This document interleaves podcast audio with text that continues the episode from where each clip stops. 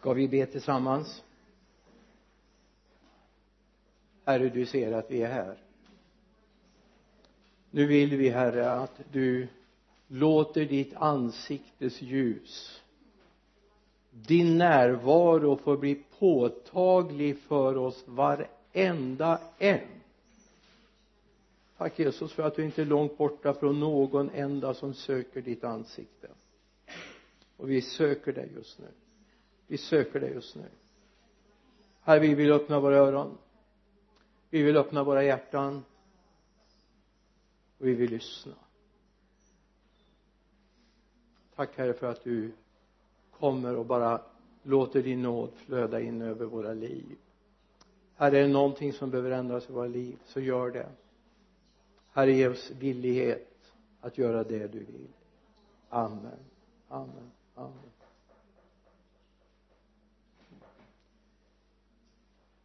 Temat som Gud gav mig det är med bön kan vi förändra. Med bön kan vi förändra. Ibland får man ju kommentaren av människor. Ja, men man kan väl inte bara be? Så där lite översittarpräglat man kan väl inte bara be? Nej det kan man inte. Man kan inte bara be. Men man kan tro och be. Det är en skillnad. Jag ska ta dig med till Jakob 5 jag med. Jag var, tänkte att oj nu landar de i samma bibelsammanhang här. Jakob 5 vers 16 till och med vers 18 startar väldigt fint tycker jag. Alltså bara om vi bara tog den här första satsen så skulle vi komma oerhört mycket längre. Bekänn alltså era synder för varandra och be för varandra så att ni blir botade mycket mäktig och verksam är en rättfärdig människas bön. Elia som också fick lida bad en bön att det inte skulle regna.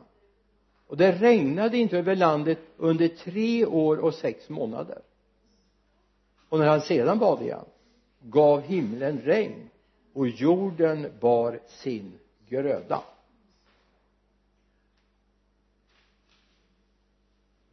Det här var naturligtvis inte bara att be. Utan här var det verkligen att be. Någonting hände. Vi ska snart komma till vad var det som hände i landet och varför gav Gud profeten Elia att göra den här handlingen. Det är ju inte så att det här kommer vara en uppmaning att bara för att du tycker illa om grannen så ber du att hans morötter inte ska växa upp. Det ska bli torka här nu. Det kommer inte omvända honom. Men här handlar det om ett land. Och som sagt vi återkommer till det. Jag möter oftast en felsyn på bönen både i kyrkan och utanför kyrkan. Alltså där vi tror att det är någon form av prestation vi håller på med. Där vi ska försöka överbevisa någon eller något om att vi borde verkligen nu komma i åtnjutande av din välsignelse Gud. Alltså jag har verkligen förtjänat att bli välsignad av dig. Tänk vad jag har skött mig jag krattade till och med gången åt grannen häromdagen och jag klippte hennes gräsmatta och Gud nu borde du välsigna mig. Men det är inte det det handlar om. Bön är inte att uppfylla en viss kvot av böner per dygn. Eller uppfylla ett visst antal minuter. Det handlar inte om att överbevisa med fina formuleringar för då ska jag aldrig få bönesvar. Det har jag aldrig klarat av. Vi behöver inte blicka Gud. Och det här är viktigt att vi får tag i vad bön egentligen är. En del tycker att bön det är något kontemplativt. Åh vi ska sätta oss ner så ska vi fundera. Gud. Ja kanske. Kanske inte. Det finns bättre sätt. Men någon säger ja men det står ju att vi ska gå in i vår kammare och be till honom som hör i det fördolda. Ja, visst. Jättebra. En del säger så här men jag måste ju få bli välsignad av Herren. Är det fel att bli välsignad av Herren. Nej det är inte fel att bli välsignad av Herren. Men det handlar inte om din bön eller vad du ber. Det handlar om var du är. Om jag är med Gud så blir jag välsignad. Om jag är nära honom så blir jag välsignad. Det har inget att göra med vad jag ber om. Det är en välsignelse att vara med Gud. Du kan inte vara mil ifrån honom och så be Gud snälla Gud välsigna mig lite grann nu så det går bra här. Du kommer bli utan bönesvar. Tufft men sant. Så är det. Det handlar om att vi ska söka hans ansikte. Att komma nära honom. Du det här är en väldigt dum bild egentligen men jag tror du fattar den alltså om du skulle vara hungrig och så bor du granne med ett matställe och utanför fönstret så luktar det väldigt väldigt mycket mat ifrån det här matstället och för det mesta tycker det är hemskt jobbigt. Men då gör du ju inte så här att du öppnar fönstret och så ställer du en fläkt som blåser på dig så du känner alla härliga matos eller matdofter heter det. Det är inte os det är matdofter. Och så sitter du blir du mätt? Ja, du kan ju känna en viss mättnad. Det kan man göra av matos ja. Men magen blir ju inte fylld. Det är bättre att sätta sig vid bordet och ta del av rätterna, eller hur? Det är för många som bara försöker liksom få lite grann av atmosfären i den andliga gemenskapen istället för att äta av Guds ord att dela gemenskapen att känna att här är Gud och här är jag. Och här är vi tillsammans inför Guds ansikte. Det är Guds ord som ger mättnad för den andliga själen inte att jag hör om lite andliga välsignelser. Allt för många böner är på den här nivån. Det finns också de som har lärt sig nu då på grund av viss invandring och så vidare att bön kan vara på andra sätt. Någon sa till mig häromdagen att ja men du är nog ganska mossig. Det kan jag hålla med om. Mina barn säger att jag är från tre, eller från före stenåldern. Så att det är ju ja. Det är ju väldigt uppmuntrande va? Lyssna. Alltså jag kommer bara ta lite negationer nu i början. Vi ska ta det positiva sen. Va det, det är bra. Yes. En del de kör sin bön som någon sorts peptalk. Du vet det här med nu när det är idrottssändningar i tv så är det ju uppsnack va? Och en del håller på med sin bön som någon sorts uppsnack vi försöker att intala varandra. Tänk om Jonas och jag vi skulle stå och försöka intala varandra att det blir väldigt bra på söndag och, och Jonas replikerar ja det blir fantastiskt bra. Jag ska säga vi har någonting som är viktigare i så fall om vi möts. Det är att vi knäpper våra händer och ber. Och talar med honom som verkligen har koll på läget. Men så mycket av andlighet har handlat om andligt uppsnack. Om peptalk bön är inte peptalk jag ber inte för att jag ska må bra eller jag ska fylla en viss kvot. Eller jag ska uppfylla all rättfärdighet. Jag ber därför att jag vill umgås med Gud. Och han vill umgås med mig. Därför går jag in i min kammare och ber till i, i det fördolda och ber till honom som hör i det fördolda. Eller hur? Därför att jag vill vara nära honom. Jag vill umgås med honom och det här är viktigt att vi får in det så att vi inte försöker att överträffa varandra med fina formuleringar när vi ber. För vi, vi ber inte heller till de andra som sitter i samma rum. Det kan man få för sig ibland, förlåt när man lyssnar på böner. Kan man känna liksom jaha.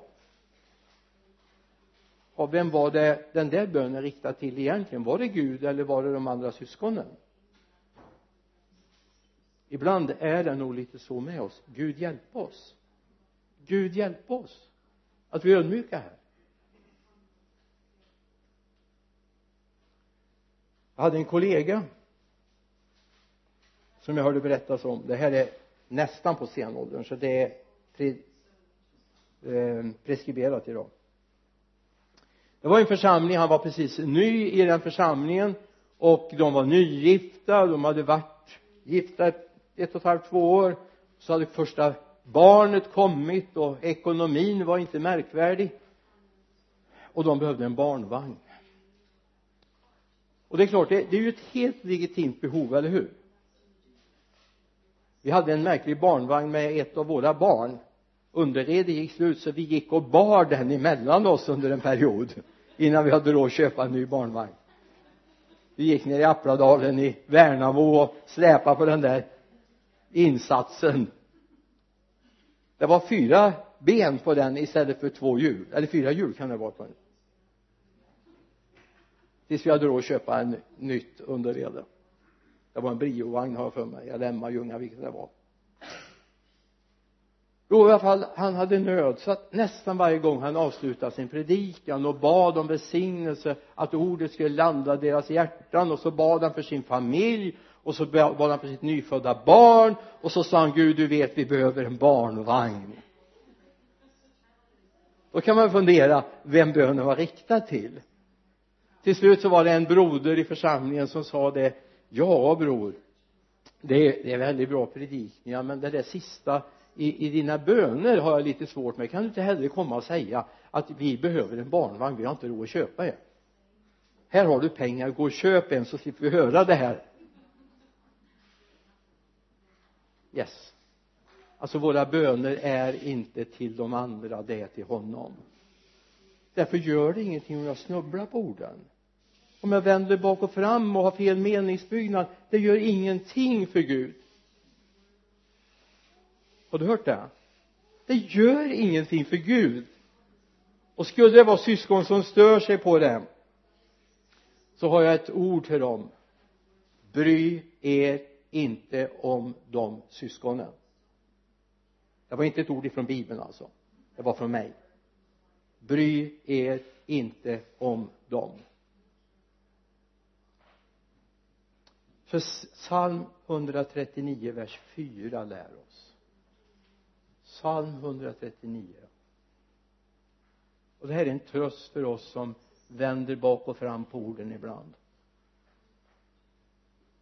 innan ett ord är på min tunga. Vet du herre allt om det? Innan ett ord är på min tunga vet du herre allt om det? Så alltså innan bönen har trillat över dina läppar så lyssnar han. Han vet vad som rör sig i ditt hjärta. Och jag skulle vilja att du vågar stå på det ordet. Och ibland kanske du mumlar din bön. Du är i förtvivlan. Kom ihåg att innan ett ord är på din tunga så vet han allt om det. Du är känd i himlen. Gud vet om dig. Och han älskar sina barn. Och så stod det i, brev, eller i Jakobs brev som vi läste för en stund sedan. Mycket i Jakob 5.16 sista delen. Mycket mäktig och verksam är en rättfärdig människas bön. Mycket verksam och verksam är en rättfärdig människas bön. Och då ska jag på en gång säga om du nu inte vet vad rättfärdiggörelse är utan tror att det är liksom de där helgonlikna människorna de där som aldrig gör fel, aldrig misslyckas alltid säger rätt saker, aldrig eh, brusar upp så är inte det samma som att vara rättfärdiggjord det är en juridisk term ifrån bibeln som förklarar att Gud tack vare Jesus Kristus har förklarat mig som rättfärdig. Alltså är det någon gång jag skulle vilja hört ett halleluja? Säg det från djupet.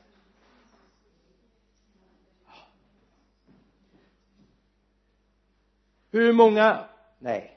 Nej så får man inte göra va? Nej. Du kan ju liksom räcka upp handen i hjärtat. Hur många av oss du behöver inte vifta med händerna vet att du är rättfärdiggjord på grund av Jesu blod inte på grund av förtjänst? På grund av vad Jesus har gjort för dig? Trots misslyckanden och svaghet trots att vi har trampat fel i livet så har han gjort oss rättfärdiga tack vare Jesu Kristi försoningsverk på Golgata. Därför jag ansökte om det. Jag sa Gud jag är dålig och jag behöver din hjälp. Jag har misslyckats men jag behöver din hjälp. Kom med din nåd.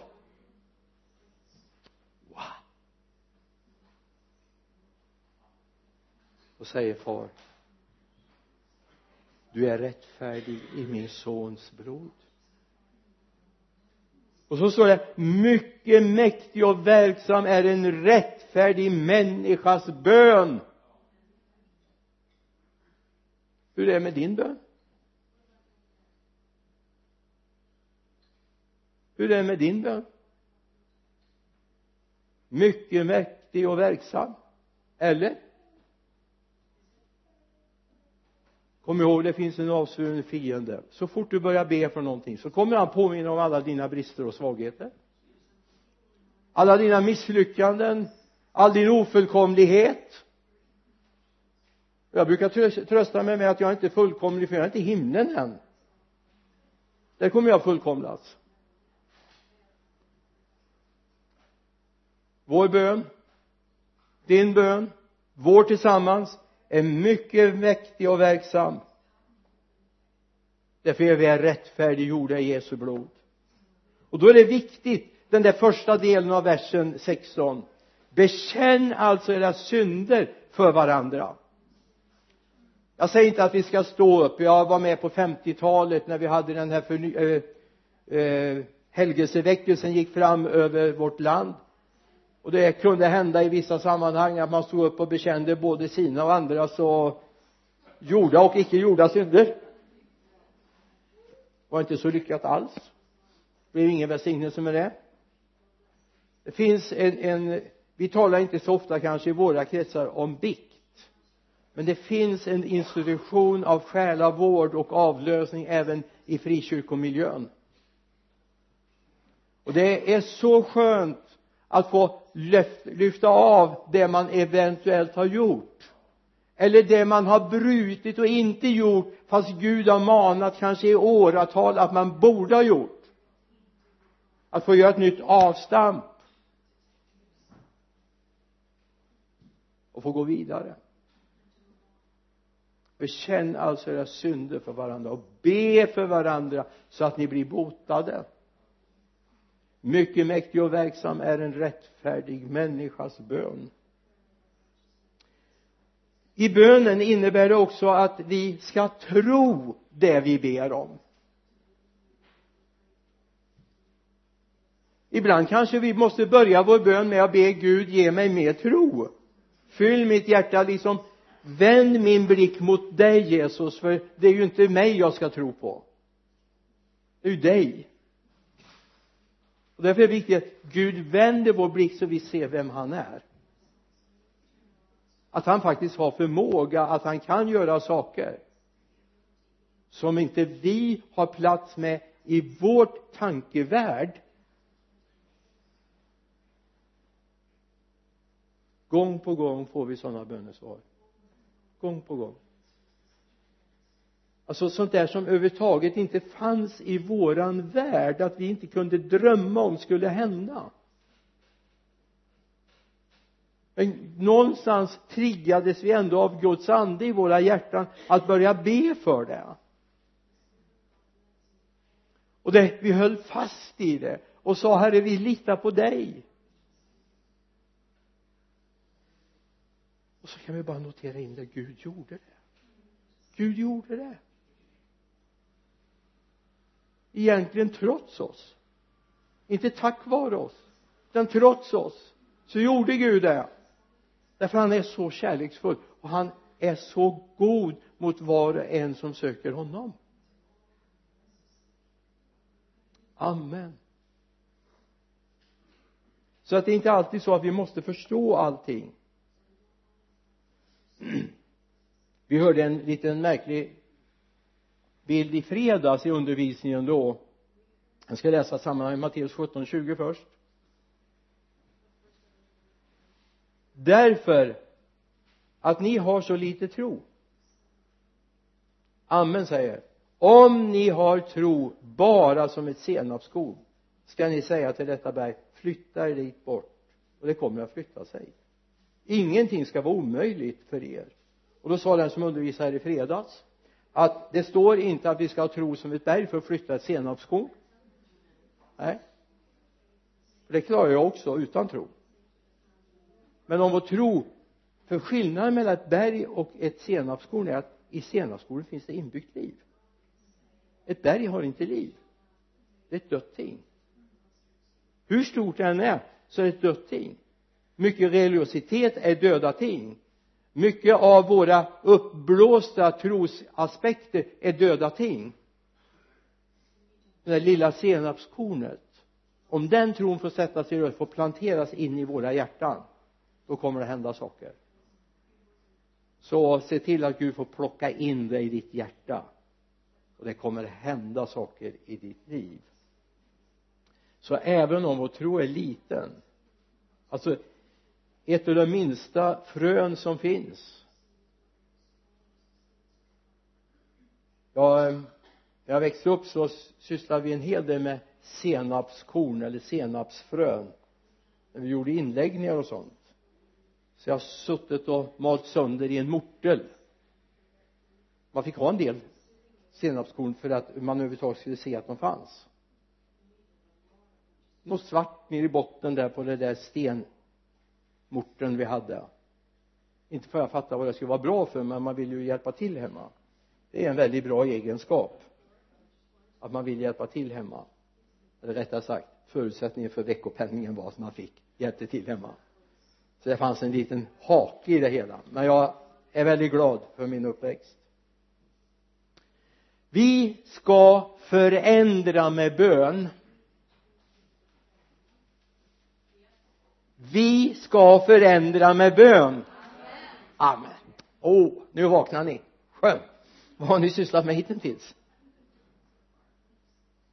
Elia förändrade ett lands inställning på grund av två märkliga böner.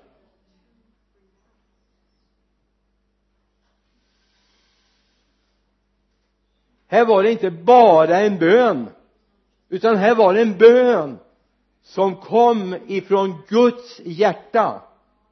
Det handlade inte så mycket om om egentligen Elia hjärta utan det kom ifrån Guds hjärta.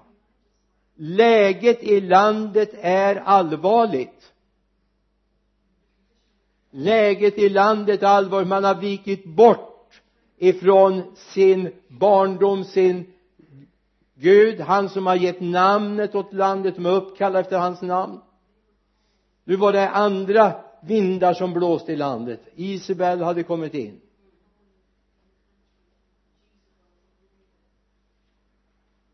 Då är det viktigt att det inte bara blir en yta. Gud imponeras inte. Kungen Ahab eller drottningen Isabel hade inte imponerats av vackra formuleringar. Inte ens om Elias sagt jag ber fem gånger per dag det hade inte hjälpt. Men det handlade om en profet som Gud hade lagt. Det här är en annan dimension av en profettjänst det är inte riktigt som vi tänker oss alltid profettjänsten profeten ska gå fram och säga så säger Herren. Och det gör profeten ibland. Ofta säger profeten faktiskt hur läget är nu och då kan man darra lite grann på manschetten. För Gud vet det inte ens dina närmaste vet. En del de bävar när de får höra det. Andra känner yes Gud. Yes Gud. Tack för din omsorg. Tack för din omsorg. Vi ska läsa ett sammanhang i eh, första kungaboken.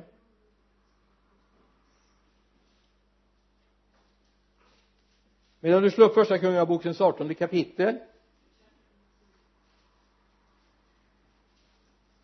så ska jag bara säga till dig att jag har en längtan. Det här är en parentes i predikan.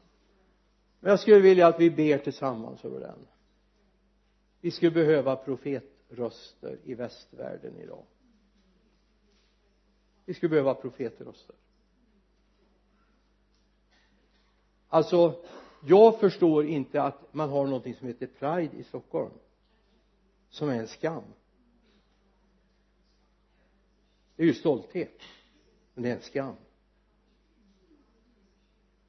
Jag står för det. Jag står för det. Jag skulle säga att även om det vore fängelsestraff på att säga det därför är det en skam för vårt land. Vi behöver profeter som står upp och talar vad som ligger på Guds hjärta. Du vet att Elia när han trädde upp och bad att det inte skulle regna och kung Ahab fick förstå att det var Elia som hade bett så att man fick torka i över tre år, tre år och sex månader. Folket började gnälla. Det var nästan revolution i landet. Man hungrade man törstade. Och det är klart att Ahab gjorde allt vad han kunde för att komma åt den här som hade kunnat åstadkomma det här. Självklart. I tre år och sex månader höll, höll sig Elia borta. Han var bland annat hos eh, änkan i Sarafat. Han försåg henne med mat genom Guds försorg botade hennes dödssjuke son. Till och med död. Uppväckte honom. Så han var fullt verksam. Var inte så bekymrad för Ahab. Och sen när tiden var inne säger Herren till honom att nu ska han närma sig landet igen. Och då möter han Obadja och säger till honom att gå och säg till kungen att nu är jag här då säger kungen tjänaren nej det vågar jag inte. För eh, vem vet om inte Herren kommer och rycker bort dig? Och så kommer han tro att jag har lurat honom. Och då går det illa för mig. Han skulle alltså blivit ett hals, en hals eller ett huvud kortare. Det var liksom tanken men det blev inte så. Gud kom emellan. Alltså hade jag varit Elia i det här läget ska jag bara blotta min, min svaghet lite grann. Alltså jag hade darrat på manschetten. Han visste ju att Gud hade svarat första gången.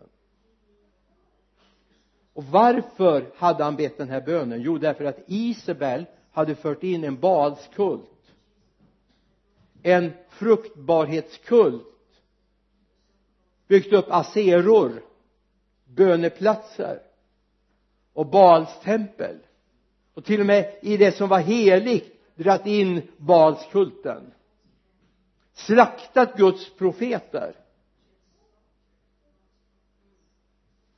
Och var på väg att störta landet i olycka. För det är så för varje land som går emot Gud störtar det landet i olycka. Förr eller senare. Det var det som var på väg. Man avskaffade Guds tillbedjan den levande gudens tillbedjan. Det var nästan straffbart att överhuvudtaget nämna om att det fanns en levande gud.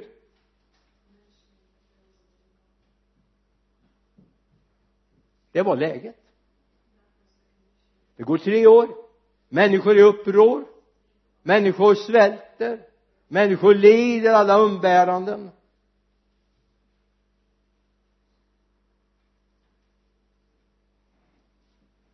I första kungaboken 18.21 vi ska läsa fram till 25 versen. Vi gör en sammanfattning på verserna 26, 27, 28, 29 så går vi vidare på 30 versen. Elia trädde fram för allt folket. Då var de samlade. Han hade gjort en överenskommelse med Ahab. Samla folket på Karmel på berget. Så ska vi se vem som är Gud. Elia trädde fram för folket och sa hur länge ska ni halta på båda sidor? Om det är Herren som är er Gud så följ honom. Men är det Bal så följ honom. Men folket svarade honom inte ett ord. Då sa Elia till folket jag är ensam kvar av Herrens profeter och Bals profeter är 450 man. Nu var inte det riktigt sant. Det fanns minst hundra profeter till kvar men det var alltså de var inte tillsammans med honom de var gömda i en grotta 50 och 50 men eh, just där och då var han ensam Herrens profet. Vers 23 ge oss två tjurar och låt dem, alltså basprofeten, välja ut åt sig den ena tjuren och stycka den och lägg den på veden utan att tända eld. Sedan ska jag göra i ordning den andra tjuren och lägga den på veden utan att tända på. Därefter må ni kall, åkalla er Guds namn men jag ska åkalla Herrens namn. Den Gud som svarar med eld. Han är Gud. Allt folket svarar ditt förslag är bra. Elias sa till Balsprofeterna välj ut åt er den ena tjuren och gör den i ordning. Ni får välja först eftersom ni är fler. Åkalla därefter er Guds namn men tänd inte eld och sedan vet vi hur de höll på och bad och de kom i profetiskt raseri och de ja de var verkligen upptrissade va? Och Elia gick lite smått och smålog och sa kanske Gud har gått, eran Gud har gått på avträdet. Eller kanske han sover så ropa lite högre. Kanske han vaknar. Det har vi mellanstycket ungefär. Så kommer vi till vers 30 när ingenting hade hänt då sa Elia Elia sa då till, till allt folket kom hit fram till mig. Och allt folket gick fram till honom. Då byggde han åter upp Herrens altare som hade blivit nedrivet. Elia tog tolv stenar lika många som Jakobs söner stammar. Det var ju Jakob som fick det ordet från Herren Israel ska vara ditt namn. Av stenarna byggde Elia ett altare i Herrens namn och grävde ett dike runt altaret stort nog för ett utsäde av två seamått han lade upp veden, styckade tjuren och lade den på veden. Sedan sa han fyll fyra krukor med vatten och häll ut över veden vattnet över brännoffret och veden. Han sa vidare gör så en gång till. De gjorde så för andra gången. Därefter sa han gör så för tredje gången det gjorde så för tredje gången. Vattnet flöt runt omkring altaret och han lät också fylla diket med vatten. Då tiden var inne för att frambära matoffret trädde profeten Elia fram och sa Herre Abrahams, Isaks och Israels Gud låt det bli känt idag att det är du som är Gud i Israel. Att jag är din tjänare och att det är på din befallning jag har gjort allt detta. Svara mig herre svara mig så att allt så att detta folk förstår att det är du herre som är Gud och omvänder deras hjärtan. Då föll Herrens eld ner och förtärde brännoffret, veden, stenarna och jorden och torkade upp vattnet som fanns i diket. När allt folket såg detta föll de ner på sina ansikten och sa det är Herren som är Gud. Det är Herren som är Gud.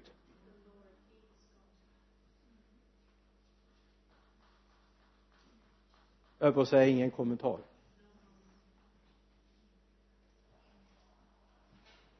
Det här är bön. Det här är inte bara be. Som lite sådär kan sägas ibland ja men vi kan ju inte bara be. Vi måste ju göra någonting också men vi ska inte göra något annat än det Gud säger att vi ska göra. Därför måste vi be. Det finns så många evangelisationsinsatser. Det finns så många missionsprojekt som bara har dykt efter några år. Ambitionerna var rätt och de kom inte från Gud. Tankarna var rätt men de var inte födda hos Gud. Det finns så många försök i församlingar vi har gjort som inte har varit födda i Gud. Alltså vi skulle behöva lite mer av Elia ande. Våga. Och lägg märke till att det var inte hans idé. Det var Guds idé. Alltihop. Det var Guds idé. Det var han som hade initierat hela den här pjäsen. Föreställningen. Som blev ett Guds drama.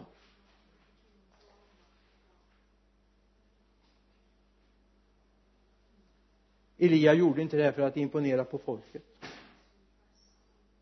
Jag ska säga jag är övertygad om eftersom Elia hade lidit som vi så jag är övertygad om att han darrade i knävecken han också. Tänk om ingen eld hade kommit. Tänk om. Vi läser eller vi har facit i hand vi kan säga halleluja det här var ju underbart. Men tänk om. Då hade hans minuter och sekunder varit väldigt få sen. Nu var han i Ahabs hand. Men Gud var med honom. Vi skulle behöva komma in i en sån situation där vi vågar.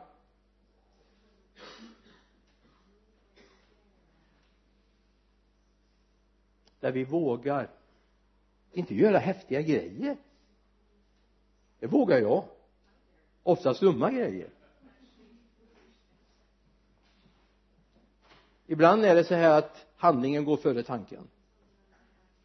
Det får vi be Gud om nåd för.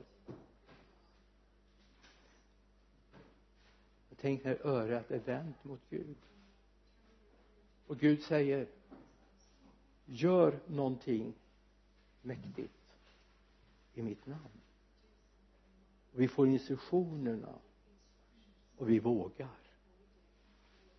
Det är bön det det är bön det för bön är inte bara att hålla monolog för Gud. Hallå? Vi måste lära oss att be är inte en monolog. Det är en dialog. Och den som har kommit långt på bönens område har faktiskt väldigt lite ord. För den bara står vidöppen för att lyssna Gud. Tack. Tack. Tack. Och så ibland säger man Gud ja, det vågar jag inte. Det törs jag inte Gud jag predikade här för två två söndagar sedan. Så var jag med om en mycket märklig jag berättade för Jonas här i ett sammanhang. Var med om en mycket märklig sak för den predikan. Jag brukar få kämpa rätt mycket med predikan. Som en kollega skrev till mig på en, en bloggsida som vi konverserar på och sa att predikan är ett hantverk ett eh, svårt hantverk. Och det, det jag kan hålla med om. Men den söndagen då var det ungefär som att sladden var kopplad direkt mellan datorn och Gud alltså. Alltså jag vet inte vad sådana uppkopplingar kallas för. Har, har du varit med om det någon gång? Att Gud har kopplat in sig på datorn? Jag vet inte om det är Ronny som varit här och gjort någonting åt mig men han är här och grejer med min dator lite nu och då. Ronny som sitter där alltså alltså det var bara att sätta sig ner och bara skriva den predikan. Mycket märkligt. Jag bara blev förvånad när jag tittade oj det är bibelordet där. Jaha det är bibelordet där. Sån är Gud ibland. Så är Gud också när vi går med honom. Nu ska jag komma till en liten konklusion på den här predikan. Det var ju härligt att det här hände på Elia dagar va? Underbart. Wow wow wow. Det kan vi göra vågen för. Men nu finns vi 2014 vi lever i idag det mest sekulära landet i världen. Så nu är det bäst vi går och gömmer oss. Hittar ett antal grottor uppe i Halleberg och har någon katakombförsamling där uppe? Ska du ta hand om den Rickard? Du bor närmare än vi. Eller så kan vi tänka så här vi ska förändra landet. Det är församlingens roll. Inte att sitta och kittla varandra under hakan och säga oh vad härligt och nu, nu kvittrar vi på här och vi, vi njuter av, av Guds närvaro. Det är underbart att njuta av Guds närvaro. Jag älskar det men vi ska förändra landet. Förstå mig rätt nu när jag säger det här. Ni vet ni som känner mig att jag undervisar ofta om om nådegåvorna och eh, om tjänstegåvorna. Tycker det är jätteviktigt. Men jag ska säga jag skulle hellre se den här stan förvandlad än att du får en ny tjänstegåva helt klart. Att man i kommunstyrelsen i den här stan börjar läsa ur Guds ord. Faktum är att det är inte emot lagen. Man får läsa bibeln i kommunstyrelsen. Det är godkänt. Bara man har ordföranden med sig lika med kommunalrådet så går det bra. Och vi hade ett kommunalråd för ett tag sedan som läste ur bibeln vid några sammanträden. Vi delade ut ifrån VKS biblar till ett antal människor i, i ledande ställning i vår stad och likaså i regionen. Region eh, regionråden och eh, en hel del av kommunal eh, kommunalråden och även kommunstyrelsen fick de biblar. Det är min framtidsprognos. Vi ska se stan förändrad. Jag tror det här därför jag har sett det en gång förut under min uppväxttid. När jag var i den här storleken så såg jag en stad bli förvandlad när Guds andes eld kom. Biograferna stängde. Nöjesetablissemangen stängde. Det enda plats man vallfärdade till var baptistkyrkan i Mariestad. Brandkåren var där därför att de tyckte vi tog in för mycket folk. En timma innan kvällsgudstjänsterna köade människor utanför på gatan. Kom man på stan på torget pratade man om Jesus. Och så sa man lite skämtsamt ja vi har ju öppnat ett nytt badhus här i stan. Har ni hört talas om det? Victoriakyrkan i Mariestad. Baptistkyrkan. Ett nytt badhus.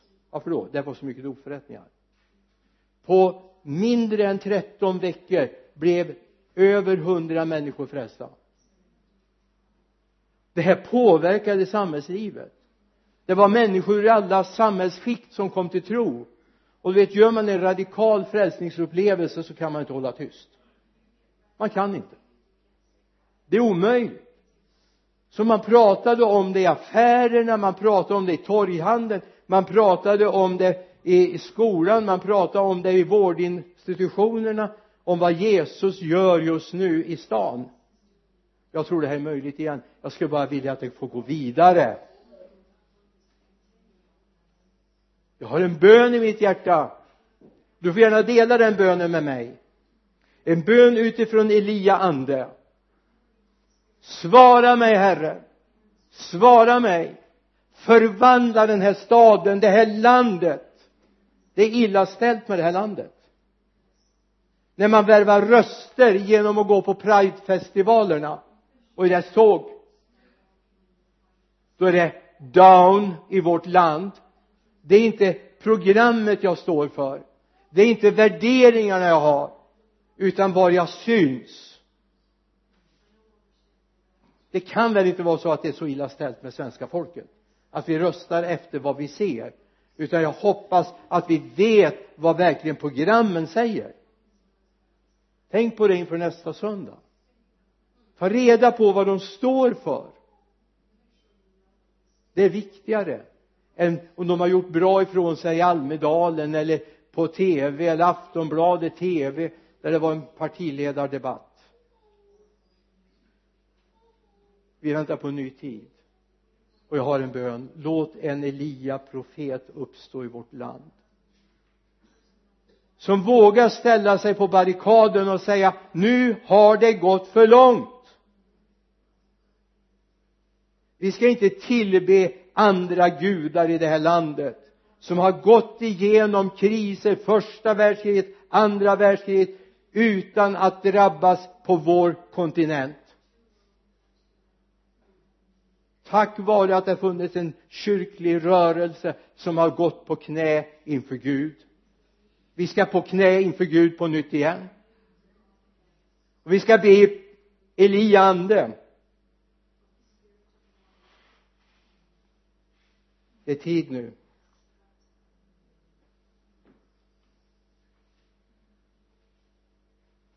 Låt mig bara få dela två bibelord till sist det var ungefär två tredjedelar av predikan det här. Första Timoteus andra kapitel de första verserna. Först av allt uppmanar jag till bön och åkallan förbön och tacksägelse för alla människor för kungar och alla i ledande ställning så att vi kan föra ett lugnt och stilla liv på allt sätt gudfruktigt och värdigt men om vi inte ber för dem om vi istället i kyrkan käbblar om vad man ska rösta på då kommer vi inte vinna seger utan först när vi går på knä inför Gud och ber för vårt lands ledning. I ordspråksboken 21 och 1 läser vi. Kungens tankar är som vattenbäckar i Herrens hand. Han leder dem vart han vill. Med bön kan vi förändra ett samhälle. Vi kan förändra i skolvärlden vi kan förändra inom hälso och sjukvård vi kan förändra i landets regim. Vi kan påverka vilka som sitter i riksdagen från och med nästa söndag. Vi kan det och då talar jag inte partipolitik. Utan jag talar om att vi får män eller kvinnor som är hängivna Jesus lärjungar. Tänk om vi skulle få en blomstring i den kristna gruppen på, i riksdagen. Och Niklas skulle få en fullsatt sal när han möter dem. Och där man vågar stå upp tillsammans oavsett vilket parti älskat ett oälskat parti och stå sida vid sida och lyfta heliga händer för sitt land och sitt folk. Det är min bön. Ur den längtan har den här predikan fötts. Tack för att ni har tålamod med mig. Nu ber vi. Jesus jag tackar dig för att du är vår Gud. Och jag tackar dig för att du älskar det här landet herre du älskar alla som har flytt i det här landet. Alla som har flyttat i det här landet. Du älskar dem. Och nu ber vi herre för dem som har ställt upp på listorna inför valet. Om det gäller kommun det gäller regionen eller om det gäller riksdagen. Far låt dem kryssas in som har ett hjärta som brinner för dig Jesus. Vi ber om det. Vi vill ha en ändring. Vi vill inte ha tre och ett halvt års torka utan vi vill ha en riklig skörd för Guds rike. I Jesu namn. Amen. Amen.